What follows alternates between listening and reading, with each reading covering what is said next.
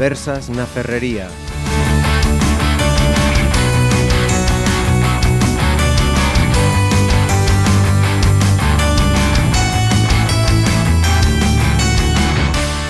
Saludos. Eh, nuestras conversas na Ferrería de esta semana van a centrarse en la perspectiva de ciclistas, de conductores, de peatones. Sobre todo vamos a tratar de entender y de aprender eh, respeto entre todos, que es eh, fundamental, la, la convivencia entre todas estas partes. ¿Quién me acompaña hoy en esta mesa?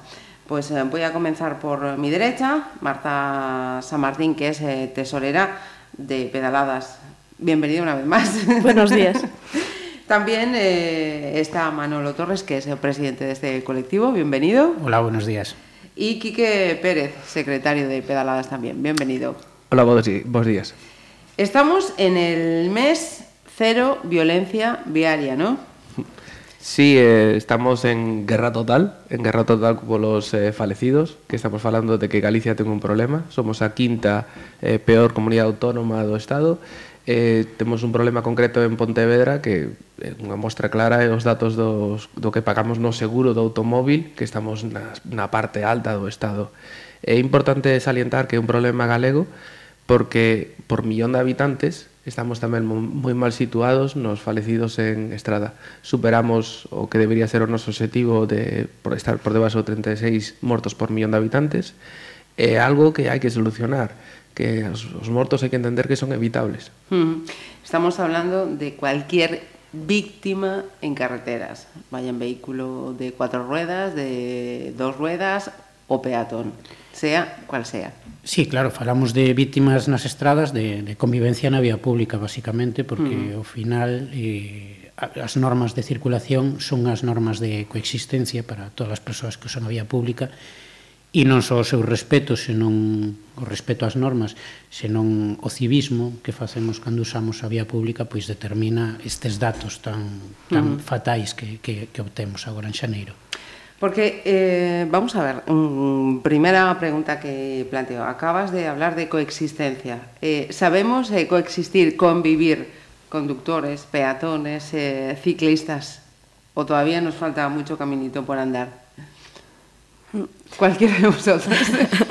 Bueno, eh, o certo é que é unha cuestión de educación e independentemente do, do, do medio que se use para desplazarse, non? Se é esa bicicleta, moto, o automóvil ou ben como os peóns. Eh, a, a, a intención de cada persoa para cumprir as normas e, e o compromiso que ten social para cumplilas pois depende da educación e, e do respeto aos demais. Hmm. Sí, sí, trasladamos esa pregunta aquí al ámbito de Pontevedra, ¿cuál es vuestra perspectiva? ¿Sabemos convivir o hay que dar muchas lecciones todavía? Yo creo que hay gente que es educada y respeta a los demás, va un poco la persona y depende un poco con quién te topes no, no, no se puede generalizar, ya que a nosotros eso no nos gusta nada, pues te puedes encontrar con una persona encantadora que entiende perfectamente si hay pues un conflicto y otra que te falta totalmente el respeto, incluso que, que se ríen y que son peligrosas, como ya nos pasó en alguna ocasión a algún ciclista. Uh -huh. Hai unha parte da poboación que ten moi claro que hai que respetar, hai que portarse ben e demais pero temos un bloque non, non mayoritario, senón minoritario de persoas que son incívicas. Isto é así, todos os vemos. Que pasa? Que esas persoas cando collen un coche están usando un vehículo que é moi perigoso pola súa masa e pola velocidade que pode desenvolver. Entón, por iso hai que mirar ese grupo de persoas e ver que facemos se lle retiramos o carné porque van perdendo todos os puntos. Se colocamos medidas de calmado de tráfico incluso moi duras como son os lombos. Se temos que pedir un radar para ver porque ni sequera con un, cos lombos chega. Uh -huh. Este tipo de persoas son as que ao final están causando os mortos. É, é a, as persoas as que estamos apuntando con estas campañas. E o que buscamos é a complicidade do resto da poboación que se dé conta de que hai un problema con esas persoas e todos temos que mostrar repulsión hacia eles. Mm. Unha denunciándoos e outra non permitindo facer das cousas. Por exemplo, é socialmente admitido que saímos de, de noite por Pontevedra, tomamos unhas cantas copas, e bueno, o, con noso amigo e máis dinos, bueno, vou coller o coche, e ninguén o para. Isto é así, como moito di, bueno, ten coidado, non, ten coidado, non. Uh -huh. o, o, o mellor que lle podes facer a esa persoa é quitarlle as, llaves do, as chaves do coche. E dicirlle, mira, vas no taxi, vas para gastar 3 euros, non é nada con respecto á copa que acabas de pagar. Sin embargo, podes estar matando a outro condutor de vehículo a motor, a un ciclista ou un peón. Eso é básico, que a sociedade entenda que esas persoas son un perigo en potencia. Uh -huh. Sí, eu estou totalmente de acordo. Ademais, creo que pois se eres un reincidente, pois o mellor sí que habería que tomar medidas de, pois levas dúas retiradas de carné, pois é que a terceira quedas en el. Mm. máis tempo do, do que está previsto na lei. Entón, sí que é certo que, que hai como unha especie de permisividade, de, pois precisamente o de, o de beber alcohol a, a, ao volante é que eu, por exemplo, como non o faría nunca para mí é impensable pero mm. non son capaz moi ben de poñerme no, no, no corpo de quen o fai e sempre, a frase miña sempre é a mesma que ata que non teñas unha desgraza e che morre un ser querido non te vas a dar mm. conta porque co do móvil é que a min me volvo modo nazi, pero que, eh, que me saca das miñas casillas ou dos móviles ao volante, que mm. non se pode coller o móvil ao volante, punto. Yo, mi, mi perspectiva, ¿no? de, de la experiencia y lo que veo alrededor, sí que, sí que noto que en el tema del alcohol sí que nos hemos ido concienciando mucho, o sea, ya hay... Eh, bueno, pues si salimos, yo soy el que no bebe, esta noche de eso sí que sí que lo noto. Sin embargo, en el, te, el tema de los móviles yo creo que estamos todavía en pañales, sí que es cierto. Pero eu penso que eso tamén é porque temos tan interiorizado o uso do automóvil na sociedade que non percibimos, eh, falamos do civismo de toda a xente que convive no espacio público, pero segundo o vehículo que uses, tes uns riscos, uh -huh. e, e o vehículo podes usar como un arma. De feito, se está a ver en certos uh -huh. atentados que sí. se están a cometer. É así, o vehículo é un arma, e se non se usa co coidado necesario, Mm-hmm. uh -huh. a súa capacidade de destrucción e de causar dano é a que. Uh mm-hmm. -huh. Entón, mm, témolo moi interiorizado, o vehículo está aí, usámolo constantemente todos, pero eses usos compatibilizados coa tecnoloxía, co beber, o volante e tal, ten un perigo moi grande. Uh -huh, sí, sí. E para respetar, para convivir, hai que conocer la normativa. Ahí también las actividades e iniciativas que lleváis a caso sí que, a caso no, a cabo, perdón, sí que os dan un, panorama ¿no? de, como está a situación. Sí, eh, nosa tarefa formativa sobre todo é para os rapaces, porque a pesar de que a Policía Local fai un traballo moi importante no que é a educación viaria, quedaba un pouco cosa no que era o tema da bicicleta, porque non facían unha práctica de tráfico real, entón a, a percepción deles era como vou coller a bicicleta pola calzada, isto é perigosísimo. Uh -huh. Entón a idea era crear esa confianza en eles, que consigueran os coñecementos suficientes e os trucos que sabemos todos os ciclistas para moverse na calzada. Entón a, a idea foi eh, traer un modelo eh, inglés de moi moi potente que ten un presuposto de 60 millóns de euros en Inglaterra que se chama o Bikeability. O. Bikeability fai no Ministerio de Transportes, aquí non temos nada parecido, e o que fai é dar unha formación directa aos rapaces en diferentes franxas de idade. Uh Eles comezan de o que sería aquí quinto da ESO, uh -huh. e nós estamos indo un pouco máis aló. Estamos indo eh, nos 13, 14 anos, que é o momento en que os rapaces queren esa autonomía extra que non lle dá o desplazamento a pé. Entón, aí a idea de dar eses coñecementos eran importantes. Pero estamos recibindo moitas sorpresas. A primeira é que nas enquisas que facemos ao principio do curso eh, fais un pequeno exame eh, fai na clase moi participativa descubrimos que os rapaces teñen coñecementos superiores aos maiores Uh -huh. Saben perfectamente que polas beiras rúas non deben ir, saben que nos pasos de peón non deben ir coa bicicleta tampouco, e saben que non deben usar o teléfono móvil ni beber alcohol, o sea, isto teño moi moi moi claro. Pero que sucede? Como están na voráxime de dos maiores, de que as normas SOES ou a Garda Civil ou a Policía Local está mirando para nós, teñen un rollo de porque está aquí o xente con nós, pois vou dicir isto, pero logo na realidade eu uso o teléfono móvil cando vou coa bicicleta, vou pola beira rúa, uh -huh. paso os peóns sen ningún problema. Ese é un problema. Que pasa? Estamos transmitindo a nosos nenos os valores eh, incorrectos hai que cumplir as normas non porque as entendamos, senón porque o Garda Civil nos pode multar. Uh -huh. Nos ponemos en la práctica, si, os parece, y, en relación a lo que estaba eh, explicando Quique, ¿no? El desconocimiento de la normativa. Eh, quejas, eh, no voy a decir que a diario, pero de esto de, jova, es que estaba, yo peatón, estaba cruzando un paso de peatones, me ha venido ciclista y me ha, he tenido que plantar porque pasaba. eh, Fernández Ladreda, Puente de la Barca, ¿qué pasa? ¿Qué hacemos? Eh, no podemos generalizar, por supuesto, pero sí que es cierto que, que no, no, os ayuda, ¿no? Eh, deja esa mm, mala imagen de los ciclistas, no respetan o no saben. Eu creo que, que é un pouco mestura de descoñecemento, ás veces, por exemplo, se, seguen pensando algúns ciclistas de que poden atravesar un paso de peóns subidos na bicicleta, isto non é así, hai que baixarse collela na man, ao fin e a cabo son uns poucos metros, tampouco se pode eh, ir coa, eh, coa bicicleta pola beira rúa, hai que ir pola, pola calzada, que é o noso espacio, entón eu creo que un pouco mestura. Mm. Xente que, bueno, logo tamén hai os casos dos ciclistas que ven un semáforo en vermello e, bah, paso, eu vou que se non teño que frenar e logo arrancar de novo a mm. marcha, uh -huh. tampouco. É dicir, hai que saber a normativa e logo, por suposto, cumplila. A mí dame moita rabia, por exemplo, a xente, os peóns que cruzan en vermello, porque saben de sobra que non se pode, pero é como, bah, Que máis dá? Non, ven, non, ven, non veñen coches. Xa, pero hai que ser coherente. Mm. Se, se realmente queres dar exemplo a xente que tes ao redor, por moito que non veñan coches, non podes cruzar. Ajá. Entón, bueno, eu creo que un pouco mezcla entre mm. non coñecemento, un pouco mm, paso por... dame igual, e, e, e unha mestura das dúas cousas. Porque eh, que sei que dejar claro, e non me dejéis hablar tanto, eh? Interrumpirme máis.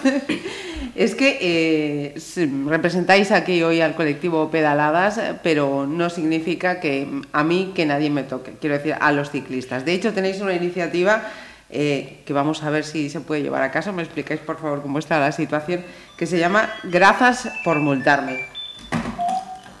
Sí, Bueno, eh, estamos esperando a que a xefa provincial de tráfico nos mande os datos dos ciclistas multados, porque realmente se non o fai non podemos levar a cabo esta iniciativa, que ademais penso que é moi interesante, porque dende pedaladas, que sempre nos acusan de e que vos non pagades impostos, e que vos non facedes nada, nós tamén temos coche, nós tamén somos peóns, entón tamén sabemos poñernos na pel dun conductor de vehículo a motor. Uh -huh. eh, esta iniciativa se trata de eh, presentar todos os ciclistas que foron multados por cometer infraccións e ver que tamén hai xente que o fai mal que non só as dúas rodas son somos os, os xefes da calzada e facemos todo ben, tamén hai xente que o fai mal. Uh -huh. Entón sería interesante ver ver as infraccións máis frecuentes e como podemos facer para evitalas. Ajá. Tem, temos os datos sí. do, do ano pasado que sí que nos facilitou no seu momento a xefatura Provincial de Tráfico eh, as, as cifras máis salientables eran eh, alcohol e drogas, era o, o primeiro, non uso do casco en vía interurbán, que é obrigatorio, uh -huh. eh, circular sen facer uso da, da, beira, da beira vía, o sea, o arcén, o arcén transitable, cando existe é transitable, hai que usalo. O sea, esas foron as a, que tivo maior incidencia. Uh -huh. A idea fundamental desa campaña é transmitir a idea de que a multa non, se, non é só afán recaudatorio. Estás ensinando a persoa, polas malas, todo cesadito, uh -huh. pero sí, estás ensinando a persoa cal é a normativa e que tela que cumprir. Aparte, podes estar salvando a vida a alguén. Eh, hai sancións como ir usando o teléfono móvil cando vas cunha bicicleta ou cun coche que damos por normalizada na nosa sociedade, que xa é normal, pero sin embargo a terceira causa de accidente é esa, a condución desatendida. Uh -huh. Cando vamos usando o teléfono móvil non vamos conducindo, vamos mirando o teléfono móvil. Sí. E de repente, cao, un vehículo vai avanzando, non estás mirando e podes levarte por diante un peón. Eso é moi importante. Salientar a idea de que a denuncia non é de afán recaudatorio, a denuncia é parte da educación viaria. Uh -huh. Eso sí que cuesta, ¿eh? Eso, eso na nosa sociedade é moi duro. De feito, agora mesmo estará escoitándonos xente estará totalmente en contra co que acabo de decir. Mira, eh, hablaba de esta campaña, gracias por, por, por multarme, pero también tenéis eh, prevista, no sé si está en marcha ya otra, al contrario, ¿no? Que sean los ciclistas los que vayan también eh, controlando esas actitudes. Eh, sí, bueno, basicamente é unha campaña, pero non só é como estas que facemos máis ou menos unha vez o mes de denuncia do metro e medio, que realmente só se denuncia os coches que nos pasan rozando, tampouco vimos a caza de todo o mundo que non respeta o metro e medio, inda que a normativa é a que é, senón que é unha campaña máis ampla e consiste tamén en denunzar os, os problemas que vemos no, no, no propio bueno, na, na propia Nos vía, días. na propia vía, non? Porque si sí é certo que os que facemos moitos quilómetros na bicicleta, a bicicleta é un vehículo máis sensible que o automóvil, detectamos moitos problemas que, que ás veces ocasionan accidentes. Eu, por exemplo, fago moitos quilómetros en, na bici de estrada ao ano e onte mesmo, bueno, fixen bastantes e detectamos que os arcéns mm. non sempre son practicables e xa non só porque estén sucios, que é o que pasa moitas veces, que hai un mm-hmm. accidente e os cristais se limpan para o arcén e queda ali e tal, senón que hai fochancas, hai tapas de alcantarillado a diferente nivel e, bueno, non sempre a vía está como debería segundo os vehículos que, que teñen que utilizar. Ajá. A beiravía transitable é unha desas cousas que en Galicia é un grandísimo problema.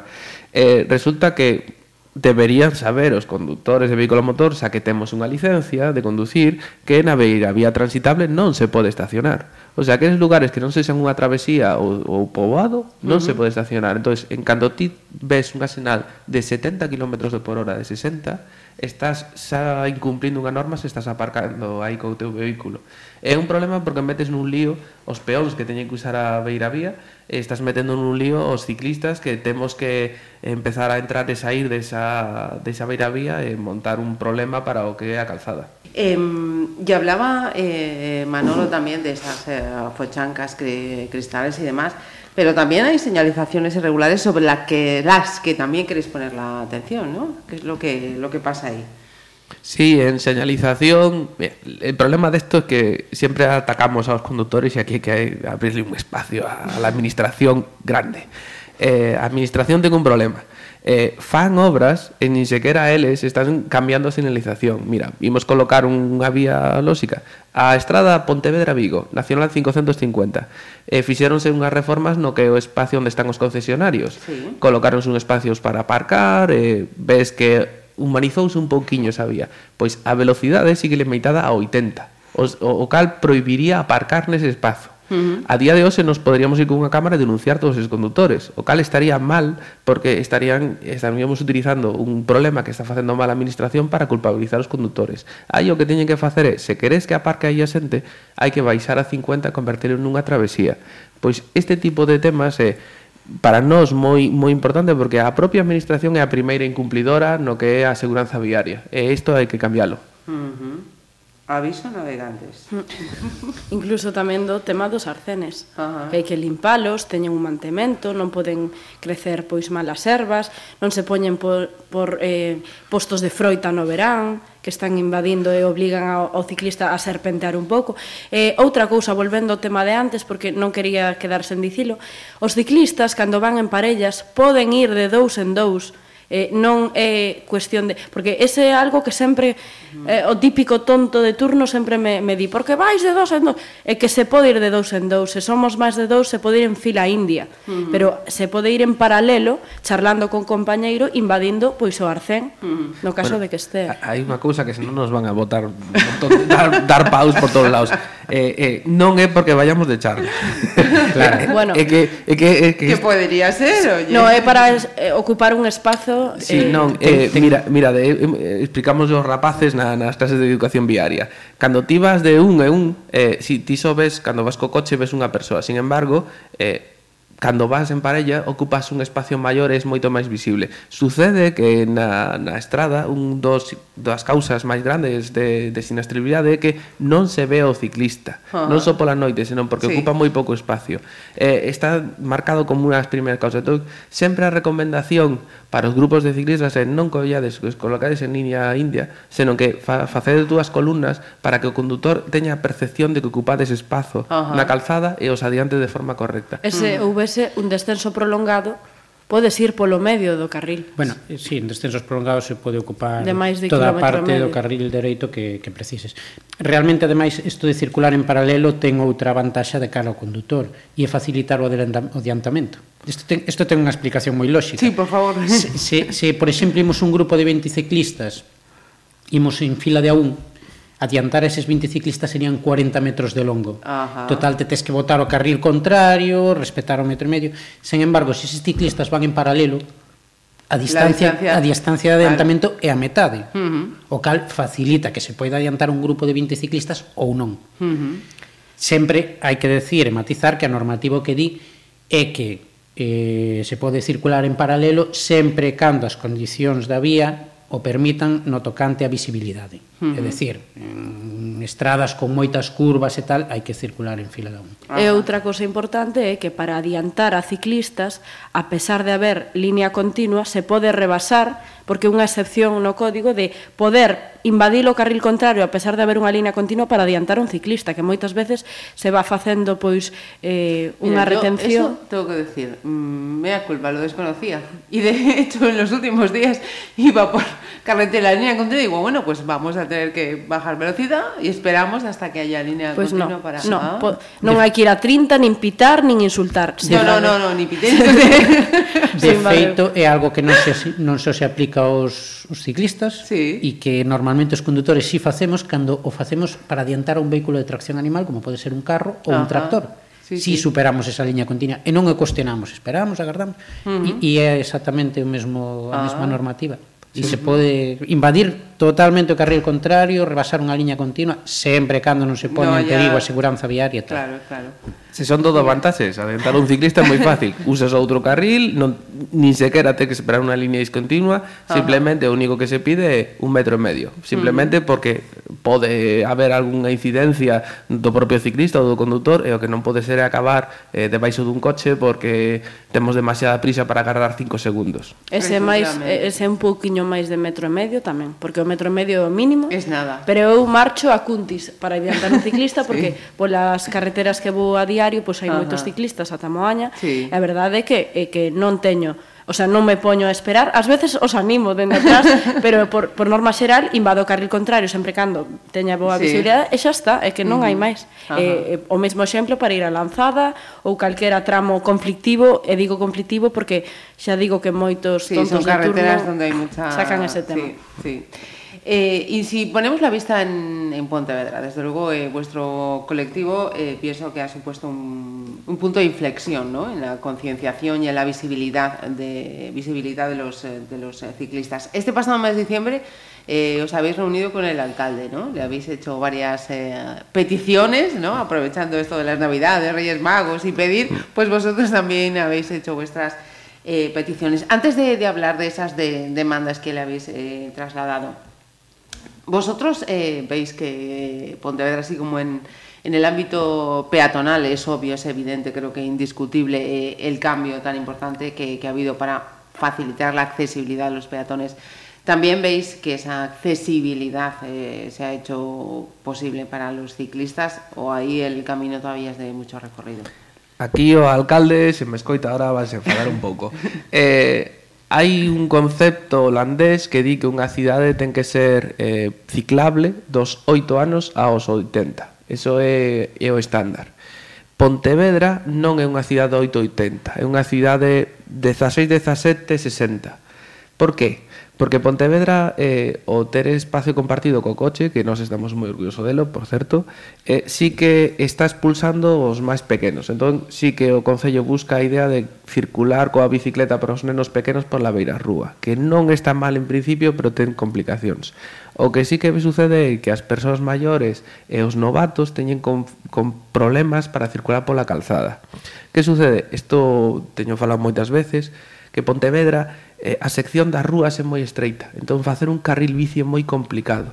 De feito, nos abogamos clarísimamente por a plataforma única, uh -huh. que é un aunamos todo a vez.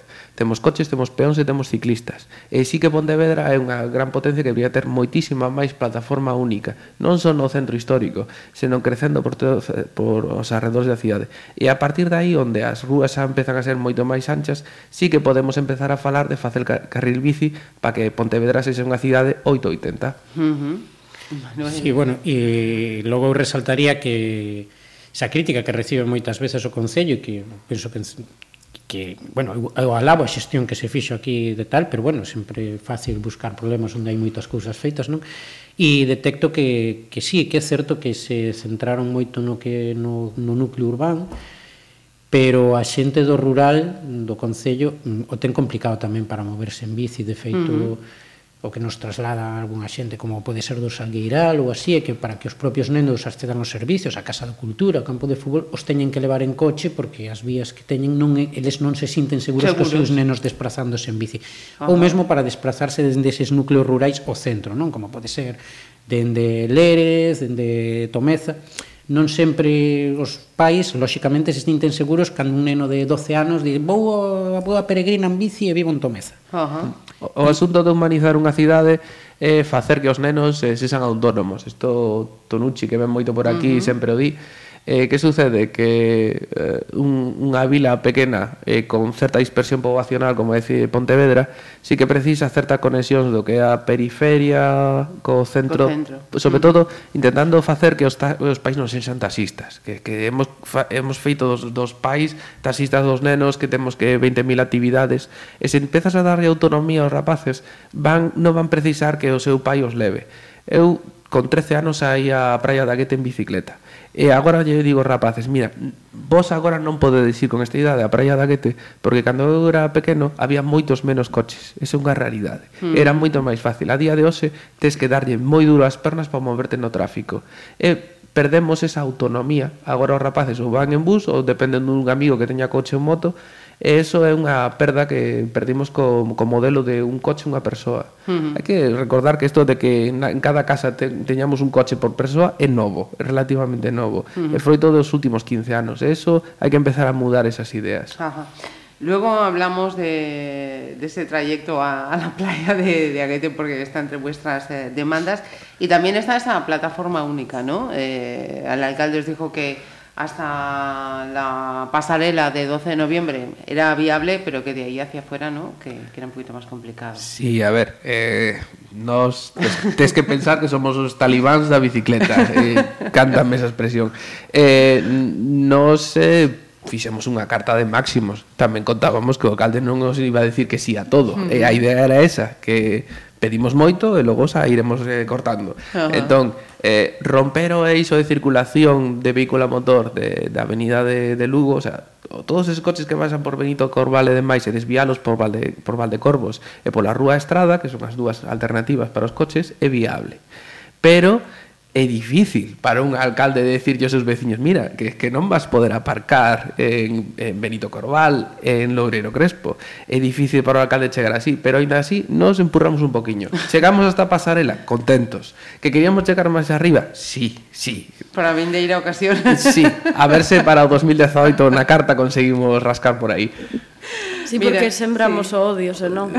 Logo aparecen brigadas anticiclistas no Facebook. Sí. Eh, porque es, estoy notando que si os eh, sentís, eso decía aquí, que somos los talibanes de la bicicleta, me van a comer. Sentís esa ah, presión social sobre vosotros? É que, é que hai moita... Bueno, non vou expresarme como querería, pero hai moita xente que nas redes sociais en especial botan a lingua a pastar porque é gratis. Mm Pero verdad... eu prefiro pensar que é un síntoma de que está a aumentar, e o vemos todos os días, de que está a aumentar moito o uso da bicicleta. Entón, esa xente que, que sinte o coche como unha extensión de si sí mesmo e que se non vai en coche non pode, se sinte como atacado en algo persoal. Uh -huh. E, e de, de repente hai como uns reaccionarios do, do vehículo que o defenden a morte e que atacan a todo o que parece que lles quere roubar espazo, espazo que cando ti mercas un vehículo non, non compras, no non compras él. un espazo público, só compras un vehículo. E penso que toda esa contestación que hai ao incremento do uso da bicicleta é porque un sector minoritario da poboación de repente se está revelando porque moita xente se está pasando a bicicleta. Uh -huh. Eu fago unha lectura positiva desa reacción. Des, sí, desa reacción. Sí, é un dos argumentos que máis danos nos fan é intentar colocar o peón no outro lado que os peóns van contra os ciclistas, os ciclistas contra os peóns. Non, eso é falso. A realidade é que eh, somos grandes aliados. Se esta cidade ten cero mortos, é gracias aos lombos que reduciron a velocidade e gracias a que temos peóns. Os peóns son a medida de calmado de tráfico fundamental na calzada. E o día que teñamos un 10-12% de persoas que desplacense en bicicleta, xa non precisaremos nin lombos. O lombo será a bicicleta que tes diante que te obriga a ir espacio. Entón, é, é eh, eh, un consunto de alianzas, en serio. Estamos eh, mellorando a seguranza viaria cando máis bicicletas teñamos na calzada e cando máis peóns teñamos circulando e cruzando nos pasos de peóns. Uh -huh. De feito, non somos grandes defensores de que se eliminen os semáforos os semáforos fan que os peóns non podan cruzar cando eles queren, entón os coches poden circular rápido hasta o seguinte semáforo en vermello e estás incrementando a velocidade. E a idea é que o coche vaya despaciño, o sea, uh -huh. non que tarden máis tempo en chegar, senón que vaya despaciño no seu desplazamento. Eh, hablábamos de esa plataforma única e hablabas de Aguete. También esa es otra de las eh, demandas que siguen en la lista, ¿no? Sí. Ahí, eh, como está el tema? Eh, isto é gordo porque isto depende do, de dous ministerios, Agricultura, Pesca e Medio Ambiente, o Ministerio de Fomento, Eh, por eso lle viamos a carta ao presidente do goberno, Pontevedrés, que a súa familia vive ao lado do paseo eh, ciclista peonil que xa está feito, e eh, que el pode desbloquear esta acción. Entón, esa é o tirón que temos aí. Uh -huh. Aparte, lle dixemos que estamos encantados de que veña por Pontevedra a dar un, unha volta con nós na, por ese paseo. A ver se rascamos aí un pouco. Mira, y explícanos, eh, porque además me llamó la atención mucho esto de las eh, biciescolas. As biciescolas eh, un, é un concepto tamén holandés. Aquí en España estáse facendo en Vitoria, Zaragoza, Barcelona, Tarrasa, e hai varias cidades máis que están arrancando, o sea, non seríamos punta de lanza a nivel nacional. As biciescolas é simplemente crear un, un lugar, un lugar onde fagamos formación vial, Eh, a nosa intención é dar eh, formación desde o nivel cero, o sea, coller a persoas, sobre todo adultas, tamén nenos, pero enfocaos os adultos, eh, ensinalos a andar en bicicleta, o sea, coller a bici ser capaz. E logo ir subindo nivel, nivel 1 é eh, habilidade, nivel 2 eh, estamos falando xa empezas a moverte en calzada, e nivel 3 inclúe incluso carretera, uh -huh. estrada. A idea é ter ese, esa referencia eh, coordinados con policía local, e empezar a dar ese tipo de formación. O nivel 0, obviamente, puramente ciclista, entón a policía local non interven, pero nivel 1, digo, 2 e 3 sí que precisaría da policía local, sobre todo para as saídas na rúa, uh -huh. que as persoas consigan esa confianza suficiente para usar a calzada e os nenos consigan autonomía por eles mesmos de usala. Que, por que é importante na cidade de Pontevedra? Porque temos que recordar que non temos carril bici non estamos segregando o tráfico. Os rapaces e as persoas teñen que convivir co vehículo a motor. E cando estás nun vehículo a motor, se supón que sabes as normas, pero cando estás nunha bicicleta non está tan claro. Ainda que temos datos que consensúan que a policía local está facendo en, en educación vial, pero aínda falta, hai que seguir camiñando por aí. Uh -huh. As bicescolas e todo iso. E, e un par de cosiñas máis a raíz de lo que, lo que estaba diciendo. Eh, la poli local sería tamén, eh, bueno, e ayudaría que la policía local fuese en bici, que creo que en su momento se había pedido, ¿no? Sí, pediuse varias veces a, ao Concello e se lle solicitou á Policía Local pois que se dotase algunhas das patrullas que, que fan habitualmente eh, de bicicletas. Máis que nada porque dende pedaladas consideramos que, que hai unha ampla zona de coexistencia no centro da cidade, mal chamada peonil de coexistencia, que uh -huh. como lle chamo o alcalde, non? E, e, e o lóxico sería que por esas zonas non se desplazaran en vehículos a motor, sino que se desplazasen en bicicleta porque realmente o, as súas funcións son dunha policía de proximidade e poderían realizar perfectamente as súas tarefas en bicicleta. Ademais, eh, sería un, un, un bo exemplo cando participan con nós nas actividades de, de biciescola uh -huh eh, que, que a actividade que, que les desenrolan ese día, que nas saídas á rúa e tal, que les nos pois pues, acompañaran en bicicleta e non nos vehículos a motor. E logo, porque se dan situacións ás veces curiosas, como hai un tempo que tivo lugar unha carreira en Pontevedra para visibilizar a diabetes infantil e tal, sí. uh -huh. e, e a patrulla que iba abrindo o tráfico por dentro da zona peonil iba nun coche e ao chegaron á rúa resulta que o coche non pasaba e, e bueno, el resto... Tive, menos mal que íbamos uns cuantos ciclistas aí cooperando e tivemos Ajá. que atallar por outra rúa e bueno, ás veces se producen situacións e que Pontevedra é unha, unha cidade perfectamente asumible uh -huh. na bicicleta E, por último, que pensamos que, que podría ter unhas funcións a maiores das que fai a policía, unhas funcións concretas esa policía en bicicleta, que, con, por exemplo, controlar o uso dos dispositivos móviles nos condutores e mesmo eh, controlar un pouquiño eh, o, o, o uso que fan das bicicletas os outros usuarios da vía, non? Uh -huh que mellor que quen te reprima ¿no? unha conducta uh -huh. sexa unha xente que vai en bicicleta, non un vehículo a motor, non? Uh -huh. que incluso te multe. Realmente todos serían vantaxas, porque xa non é só o tema de que coñecerían mellor por onde pasan, eh, que chegarían moito antes a sitios, porque en caso de que tivese lugar un roubo no centro de Pontevedra, dime ti se chegan antes dende a policía eh, collendo o coche ou collendo a bicicleta, incluso mm. poderían optar a bicicletas eléctricas, pero xa non é iso, tamén hai que pensar un pouco na contaminación e no planeta. Se queremos que a cidade de Pontevedra sexa un modelo de mobilidade, tamén debería ser un modelo de sustentabilidade, mm. e realmente as emisións que pode estar causando un coche que mete primeira, segunda, terceira, segunda, para poder ir a, a esas velocidades que son ridículas no centro da cidade, eu creo que deberían plantearse moi en serio o de empezar a patrullar en, en bicicleta, xa non só polo planeta, polo mm. rápido que serían e tal, incluso pola súa propia saúde. E que todos serían cousas boas, non, non se me ocorre máis polo que ir en, en coche, único polo frío, bueno, pois te abrigas e xa está. Eh, hai outra cousiña, non é que porque agora mesmo estarán contando desde estes rapaces están todos, isto é unha utopía brutal.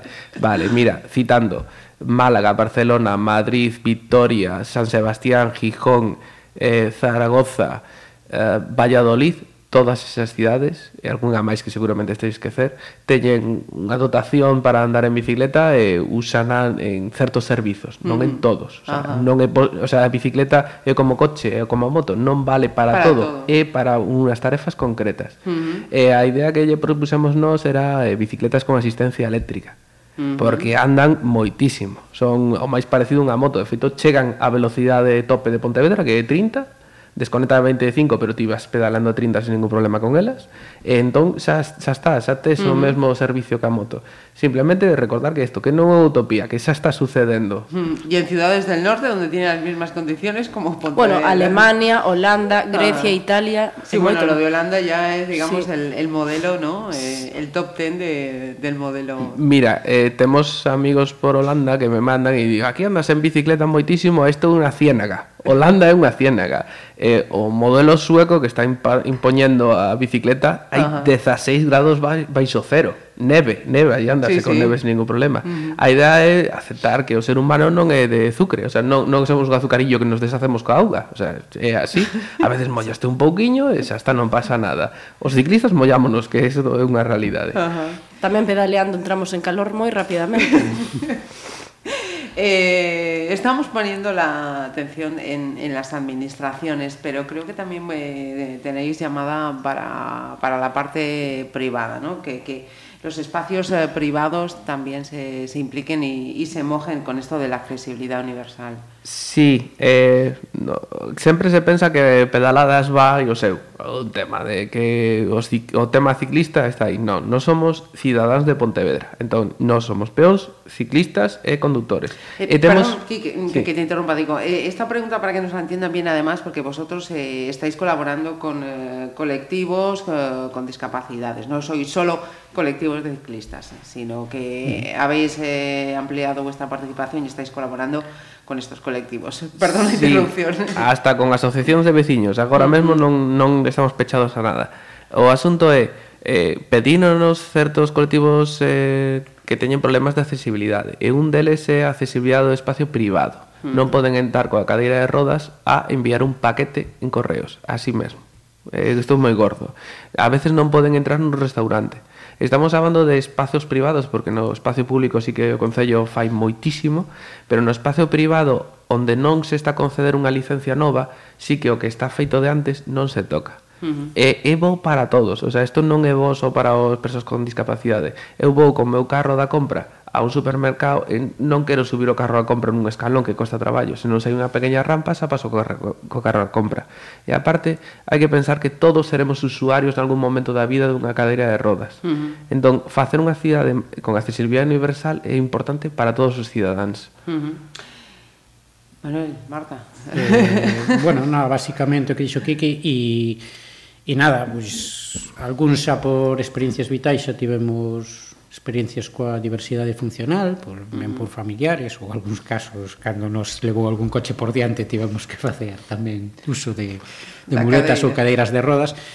Pero é certo que agora en Pedaladas tamén temos un programa de ciclismo adaptado que se chama Rodando, que levamos a cabo, que é un programa aberto de momento con Amencer, pero queremos que se integren máis grupos e de feito temos aí outra cousiña que xa sairá dentro de pouco con máis asociacións E claro, o, o convivir con esta xente con diversidade funcional detectamos moitos problemas que nos no día a día se nos, se nos escapan. Uh -huh.